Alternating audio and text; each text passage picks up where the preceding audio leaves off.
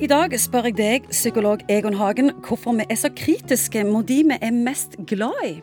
Kjæresten, ektefellen, ungene eller bestevennen. Vi pirker og plukker og kommenterer hver eneste lille skavank. Hvorfor måtte du si det? Hvorfor kler du deg sånn? Du er ikke så løyen som du sjøl tror. Ikke le så høyt. Ja, Når jeg jobber med ledere, så er det noe som vi kaller avsporingstendenser. Og Det vil si f.eks. at du kan ha en personlighetskonstellasjon som gjør at hvis du enten får grælig mye makt, eller du senker den sosiale garden, som kanskje dette handler om, at du er i en situasjon hvor du er trygg, så kan du spore av og gjøre ting som du er, og si ting som du ellers ikke hadde gjort.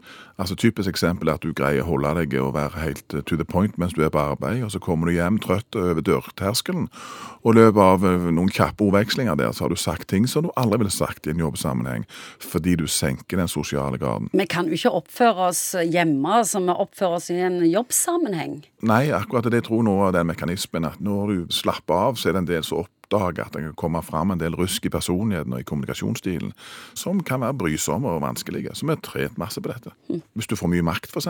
Plutselig er du sjef for hele Afrikaregionen til et selskap, og plutselig sier var det jeg som sa dette? Gjorde jeg virkelig det?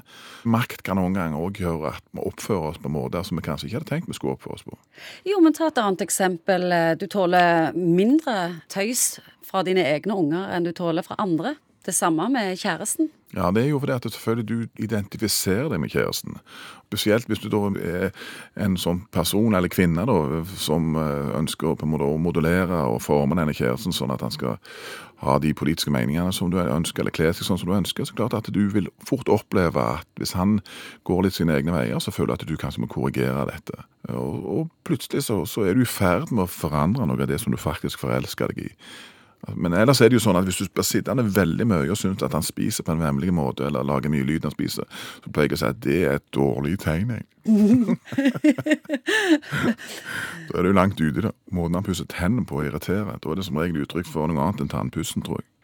Ja, det, det, er jo det er noe med identifisering. At ja, folk som er veldig De er en forlengelse til, av Akkurat. Ingvild. De er en forlengelse av oss sjøl. Og derfor er det ekstra sårbart hvis de gjør ting som du syns stikker ut eller ikke passer inn. Hvis ungen din drar en grov vits i familieselskapet, hva gjør du da? Ja, sant. Og, og, men det er jo noe med at Og slår tilbake på hvor elendig psykolog og far du er. ja, det kan du si. Men du kan ikke ta ansvar for andre menneskers liv. Og hvis, eh, hvis mannen din sier av og til litt rare ting, så det er, det, du kan ikke kontrollere han eller styre han eller modulere han, sånn at han sier akkurat det samme som deg. Det er litt sånn som vi har snakket om mange ganger før, at du prøver å kontrollere ting du faktisk ikke kan kontrollere. Og det er mye kulere å ha en egenrådig og selvstendig person som du òg er glad i, enn en eller annen som er dressert. Jeg liker bedre katter enn hunder, egentlig. Bortsett fra jakthunder. Eh, hvordan kan man bli mindre kritisk og mer aksepterende mot hverandre?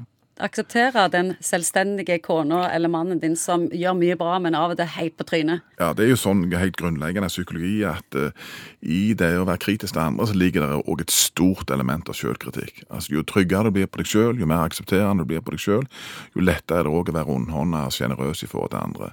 Men hvis du i utgangspunktet syns at du er litt putlete kvinnfolk og ikke er sånn som du skulle vært, så er det greit lett å finne feil i andre. Uh, så det er et stort element i sjølkritikk i all kritikk av alle andre.